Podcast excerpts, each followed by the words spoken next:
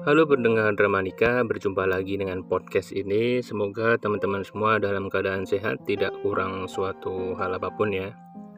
Kalau misalnya sakit, sakit ringan lah. Uh, dan saya doain semoga teman-teman lancar rezekinya.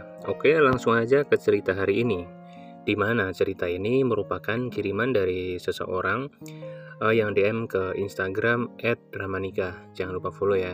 Jangan lupa juga subscribe YouTube Dramanika dan komen-komen. Oke, langsung aja ke cerita hari ini. Uh, di sini dia nggak menyebutkan namanya ya. Oke. Halo pendengar Dramanika, uh, ini adalah cerita singkat dari saya. Awal perkenalan saya dengan suami, waktu itu kami uh, masih di bangku SMP kelas 9 kelas 9 itu berarti kelas 3 ya. Kami sama-sama suka sampai hubungan berjalan 4 tahun. Ya namanya anak muda kadang putus nyambung, tapi ya balikan lagi. Mungkin putusnya hitungan bulan saja. Waktu saya kelas 12 dan berada di akhir semester atau UN, dia ini memutuskan untuk merantau ke Kalimantan selama 4 bulan Nah, setelah dia balik ke sini, kami saling masih saling suka ya dan kami melakukan hal yang seharusnya tidak dilakukan yaitu hubungan terlarang. Ah, teman-teman tahu pasti ya, pasti tahu ya. Sampai akhirnya saya hamil. Seiring berjalannya waktu, kami berusaha menggugurkan. Tetapi jujur ya, ini bukan niat hati saya saya tidak ikhlas kalau saya melakukan dosa yang kedua kalinya. Jadi yang dosa yang pertama mungkin uh, berhubungan tadi, yang kedua hamil ini. Akhirnya, akhirnya kandungan kami jalan sampai tiga bulan. Kemudian cowok saya ini berusaha bilang ke ortu, uh, tapi dia tak sampai hati waktu itu. Akhirnya setelah dicoba dicoba uh, niat beberapa kali, nah akhirnya bisa. Dia bilang jujur ke orang tuanya, uh, bilang ke semua keluarganya. Setelah itu saya dan dia disidang lah di rumah keluarga laki-laki. Berat banget sebenarnya uh, setelah itu karena saya harus menyampaikan ke bapak ibu saya juga. Karena saya ini belum merasa uh, bisa membahagiakan orang tua. Eh, kok malah menambah beban orang tua gitu. Akhirnya keluarga dari pacar eh, pacar saya ini sepakat datang ke rumah untuk bertanggung jawab. Nah, ini bukan permintaan saya ya, tapi memang dari pihak uh, pacar saya dan keluarga saya. Akhirnya setelah itu singkat cerita tiba di hari kami akad atau akad nikah. Uh, Oke, setelah itu nikah, bla bla bla dan sah kita sebagai suami istri. Nah, setelah menikah, mulailah saya jadi tahu benar gimana sih sifat sebenarnya suamiku ini. Yang dulu saya nggak tahu sifat aslinya ini sebenarnya.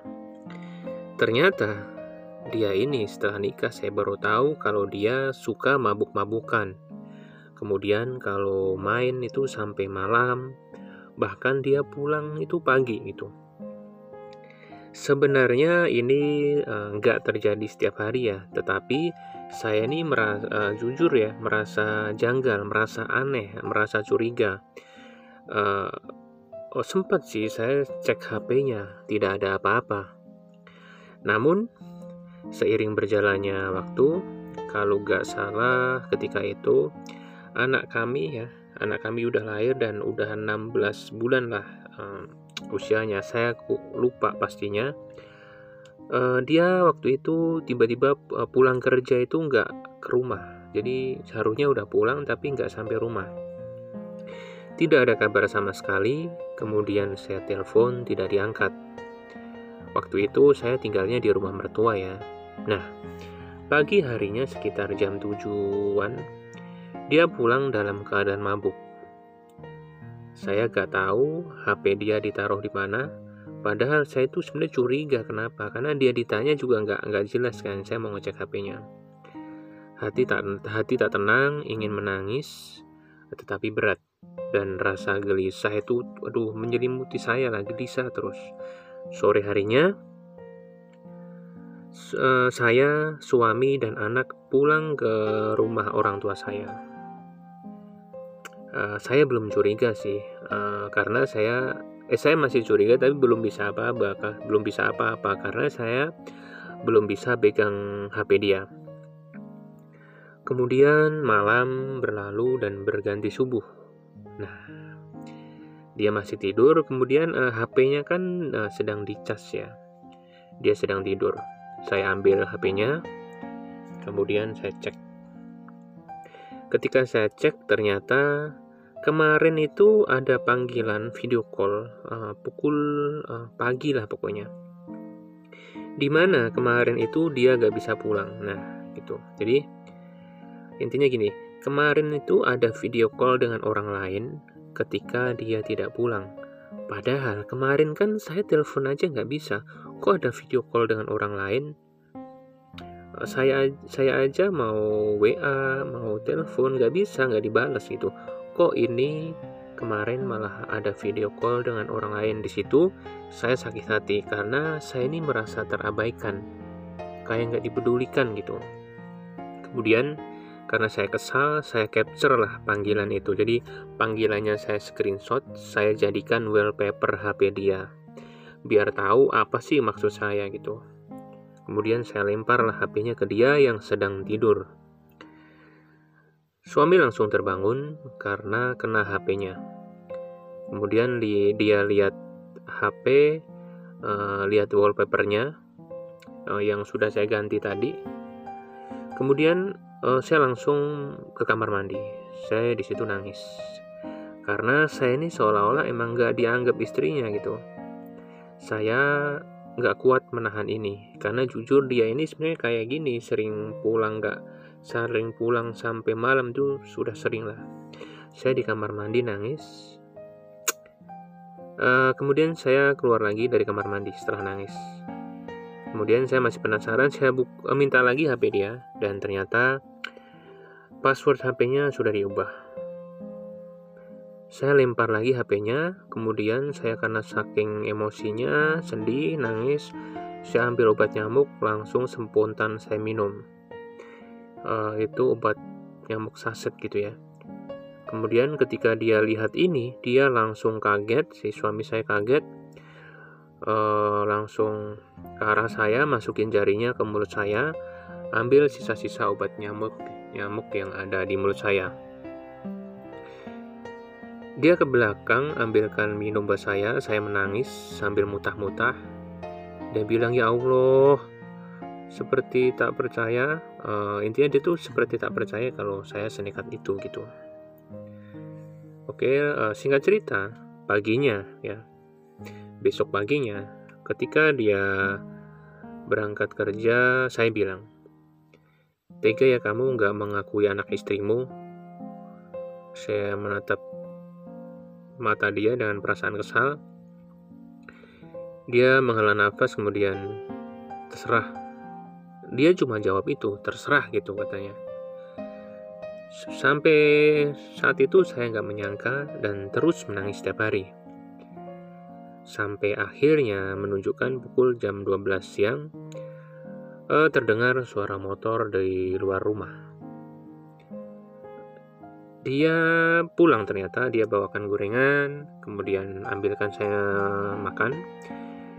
Dia suruh saya untuk makan dan dia bilang ke saya, kamu berhenti ya WA cewek itu, nggak usah labrak-labrak dia, gitu. Jadi intinya tuh dia tuh ternyata tahu kalau saya tuh WA si selingkuhannya, gitu. Jadi saya emang yang ngomel-ngomel lah keselingkuhannya ganggu keluarga saya gitu. Dan suami saya malah bilang gitu, mungkin si selingkuhannya itu ngadu ke suami saya kalau saya ngomelin uh, selingkuhannya gitu. Dia bilang udah nggak usah WA dia. Udah intinya aku yang salah bukan dia yang salah gitu.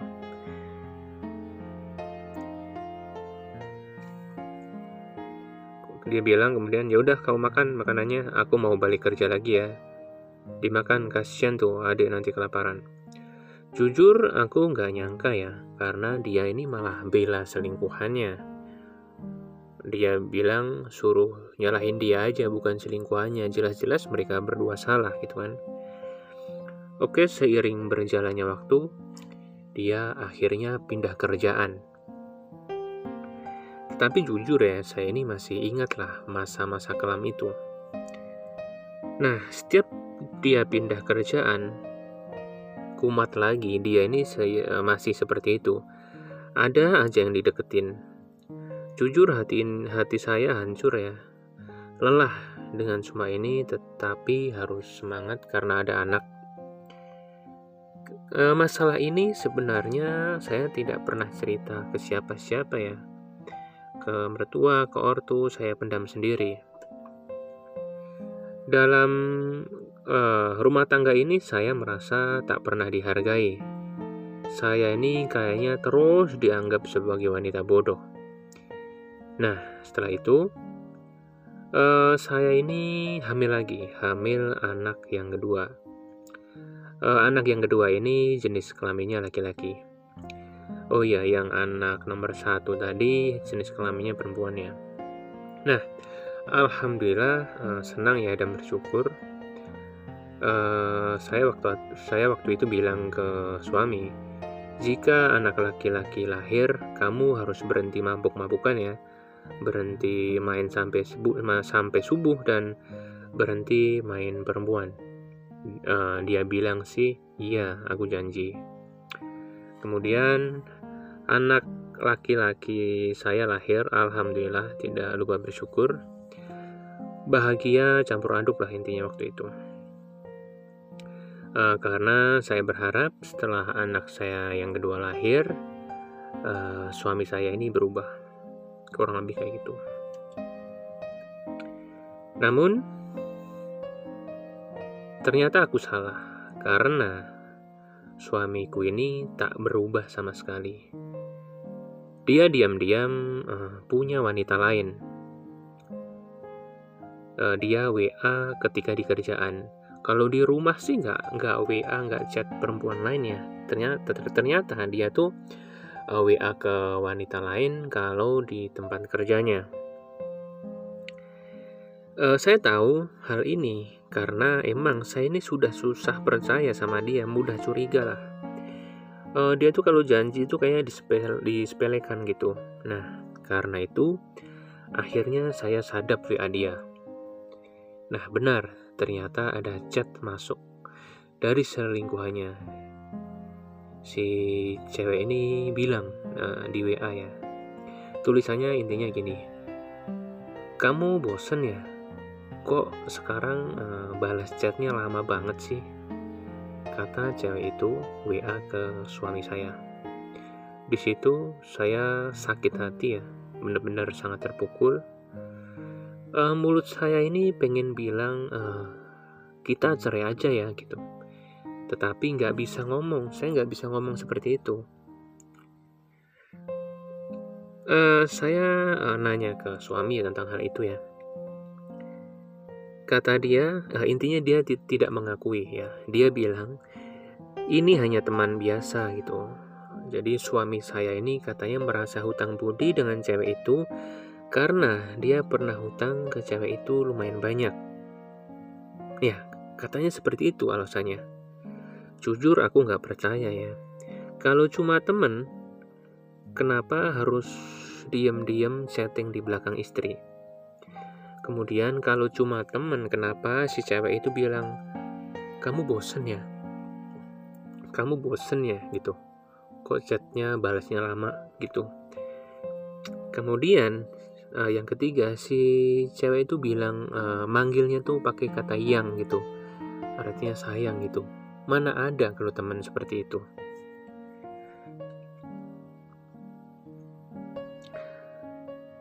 uh, di sini akhirnya saya paham ya uh, ternyata uang itu lebih dibutuhkan daripada keharmonisan keluarga.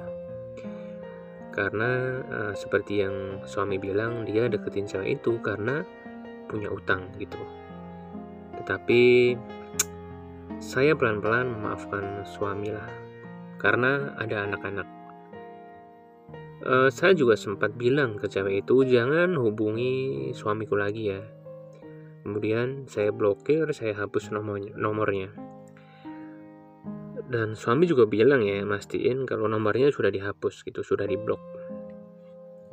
Suatu pagi ketika saya cek WA suami, kemudian saya bukalah nomor cewek itu. Ternyata profilnya masih ada. Yang artinya cewek itu, selingkuhan itu belum diblok berarti. Berarti masih berhubungan gitu. Nah, di sini saya terus ancam ya si cewek itu agar jangan ganggu suami saya. Saya janji ke dia untuk lunasin hutang suami saya. Nah, dan saya masih terus ya mantau uh, suami saya ini masih berhubungan dengan dia nggak gitu. Uh, saya masih mantau ya, seperti yang saya bilang. Dan ending cerita dari ini sebenarnya nggak ada yang berubah suami saya masih seperti itu sampai sekarang. Masih main perempuan. Dan saya sampai saat ini mencoba pura-pura semua baik-baik aja. Seolah-olah tidak ada yang terjadi di rumah tangga ini. Kenapa? Karena ini demi anak saya. Jadi saya mempertahankan keluarga ini demi anak saya. Kurang lebih kayak gitu. Jadi seperti itu cerita dari saya. Oke. Semoga ada pelajaran yang bisa diambil. Oke, nah setelah ini Nah, ini sebenarnya udah selesai ceritanya ya. Saya sempat uh, eh, DM lagi balas uh, chat dia. Kak, oh berarti kamu ber, bermasalah dengan suami aja ya? Saya tanya ke dia, kalau dengan mertua gimana? Akhirnya dia balas lagi dan ini adalah cerita dia uh, gimana sih hubungan dia dengan mertua dia. Oke. Okay. Pendengar drama nikah, saya akan cerita lagi yang uh, masih dalam rumah tangga saya ya ceritanya ya. Waktu itu saya pernah berantem dengan suami dan mertua sekaligus. Saya berantem ketika posisinya berada di rumah mertua. Waktu itu saya capek ya karena saya ini hamil dan tidak sering tidak ditemani sama suami. Suami yang seharusnya pulang kerjanya jam setengah lima atau jam lima sore, dia ini sering molor jadi malam. Maghrib atau isya baru pulang. Nah kalau pulang, dia ini nggak nyamperin keluarganya. Tetapi dia malah main HP, ya kayak gitulah uh, anak dan istri tuh nggak disapa dia nih main game lah di HP-nya kemudian ketika makan malam tiba kita makan bersama. Setelah selesai makan dia ini pegang HP lagi. Pernah suatu ketika anaknya ini kena marah karena kata suami ganggu dia ketika dia main game. Nah setelah itu pokoknya gitulah sedih ya. Anak mau main malah dimarahin gitu. Kemudian setelah main game dia bukan ngobrol sama istrinya. Dia malah keluar dengan teman-temannya ngumpul di depan rumah ngobrol seperti itu. Terus setiap hari sampai subuh kayak gitu ngobrol di luar. Tak ingat dia ini kalau anak istrinya harusnya ditemenin gitu Hal seperti itu berulang hingga sampai di titik perkelahian. Intinya saya tuh di selama jadi istrinya tuh stres lah karena nggak pernah ditemenin, nggak jarang diajak ngobrol, kurang lebih kayak gitu. Jadi mungkin saya ini kalau mudah stres, stres tuh wajar ya, tertekan hidupnya gitu. Nah, waktu itu uh, suatu hari, uh, waktu itu hari Sabtu ya, di mana harusnya hari itu suami terima gaji. Uh, saya di rumah dan kondisinya suami masih kerja. Jadi aku belum pegang uang ya, karena suami kan masih kerja. Uh, waktu itu susu juga habis, kemudian makan juga nggak ada lauk. Tiba-tiba mertua nyuruh aku untuk goreng telur. Aku bilang aku nggak bisa karena aku ini mabuk kalau bau telur goreng. Jadi waktu itu aku hamil. Ini flashback ke cerita sebelumnya ya. Ini buat cerita tambahan ketika hamil ya. Uh, Perasaanku waktu itu nggak enak lah, pengen menyendiri mungkin karena saya udah stres ya dengan sifat suami. Saya murung di kamar karena menunggu suami pulang kerja. Anak saya, saya kurung juga sama saya di kamar, nggak boleh keluar. Hati saya ini kesal ya, suami kok nggak pulang-pulang pasti dia sama teman-temannya. Akhirnya suami pulang. Sesampainya di rumah, saya keluar kamar sambil gendong anak yang juga sedang hamil 7 bulan. Saya langsung marah dan ngamuk. Mungkin saya tuh udah mendam sesuatu ya di kepala. Saya marah, saya ngamuk. Helm saya saya banting ke motor suami saya dan motor suami saya jatuh. Saya ini seperti memendam sesuatu yang sudah lama tiba-tiba pecah meledak gitu, kurang lebih gitu. Ini saya tambah-tambahin lah. Jadi saya uh, ngertiin juga maksud apa yang dia tulis. Saya memahami kalau si wanita ini tuh kayaknya udah mendam sesuatu lama karena kelakuan suaminya, makanya dia tuh stres tapi dipendem ya akhirnya meledak kayak gini. Uh, tadi dia bilang dia banting helm ke motor suaminya dan motor suaminya jatuh. Lalu saya pergi dari rumah, jalan uh, ke arah jalan saya eh, ke jalan raya sambil gendong anak. Di belakang suami saya ngejar yang ngikutin.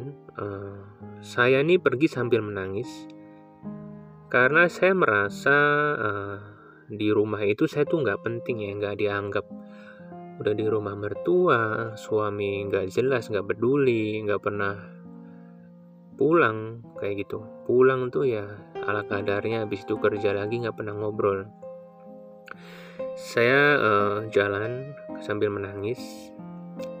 Kemudian suami mencegah saya dari belakang. Kemudian saya bilang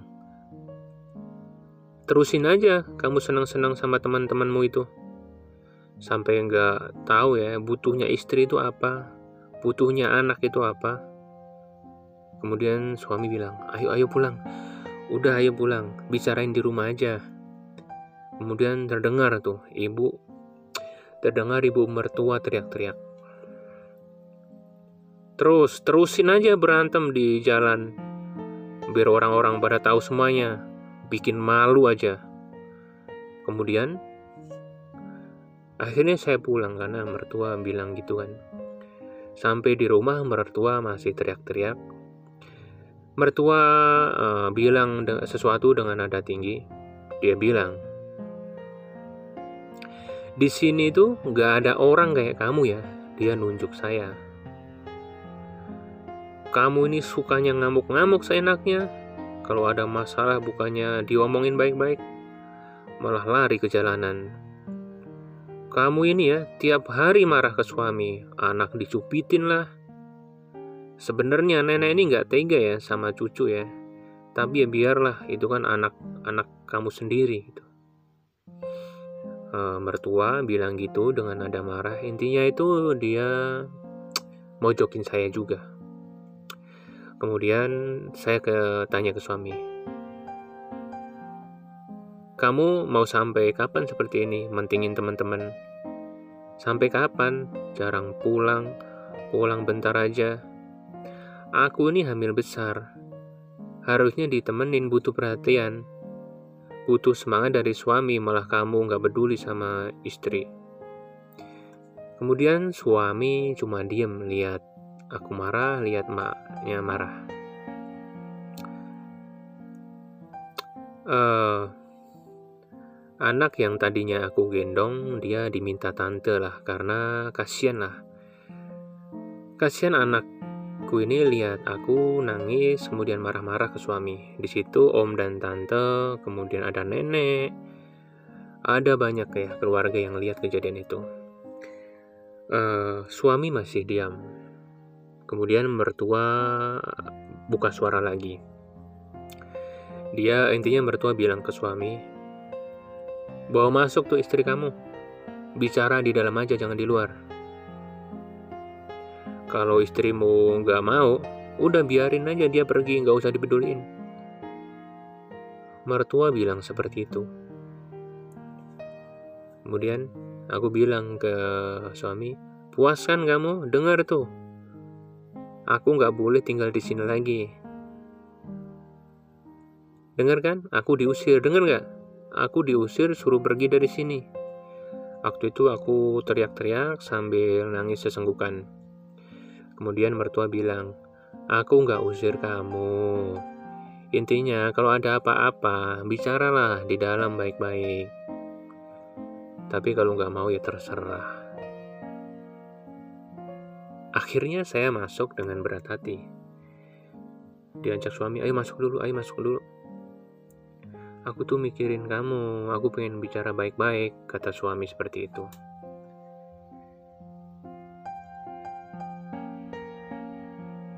Uh, kemudian saya masuk nggak bicara apa-apa, saya dibelikan makanan juga nggak aku makan karena saya udah kesel, saya hanya nangis dan nangis sampai pagi. Kemudian paginya suami tanya, "Kamu mau di sini aja atau balik lagi ke Solo gitu?" Solo itu rumah ibu saya ya. Saya diam. Dan ini di kamar kita ngobrol sama suami ya. Kemudian di pagi yang sama terdengar dari uh, luar suara mertua teriak-teriak. Uh, suara, mertua dari luar tuh uh, bilang gini, sama suami aja nggak hormati. Kalau panggil, panggilnya nama. John, John, John. Kurang lebih kayak gitu. Si mertua tuh emang nyindir atau ngomong gimana biar saya denger dari dalam. Jujur saya sakit hati ya, diomongin dia dari belakang. Padahal saya manggil John itu emang dulunya emang suami yang mulai suami sering manggil saya John saya manggil dia John ya akrab kayak gitu zaman dulunya kayak gitu dan ke bawah sampai sekarang kemudian besoknya saya minta pulang ke rumah orang tua saya di Solo. Saya minta suami untuk angkut semua barang-barang dan akhirnya saya tinggal di rumah ibu dan bapak saya di Solo.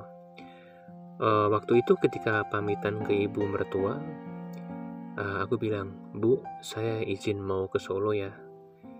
Mertuanya bilang hmm kayak gitu. Setelah itu saya jarang main ke rumah mertua pernah sih saya ke rumah mertua karena silaturahmi waktu itu Ramadan ada acara buka bersama di keluarga suami tetapi ya saya ke sana dan mencoba menganggap nggak ada kejadian apa-apa sebelumnya. Dan mertua juga tak anggap masalah besar lagi sih. Tetapi jujur saya ingat, selalu ingat dengan kata-kata mertua ya, yang pernah bilang ya, intinya dia pernah bilang, hidup saya, saya dan suami kan susah ya. Mertua pernah bilang gini, ya kayak gitu, kalau nikah hamil duluan. Ya, kata-kata itu selalu, selalu teringat sampai sekarang.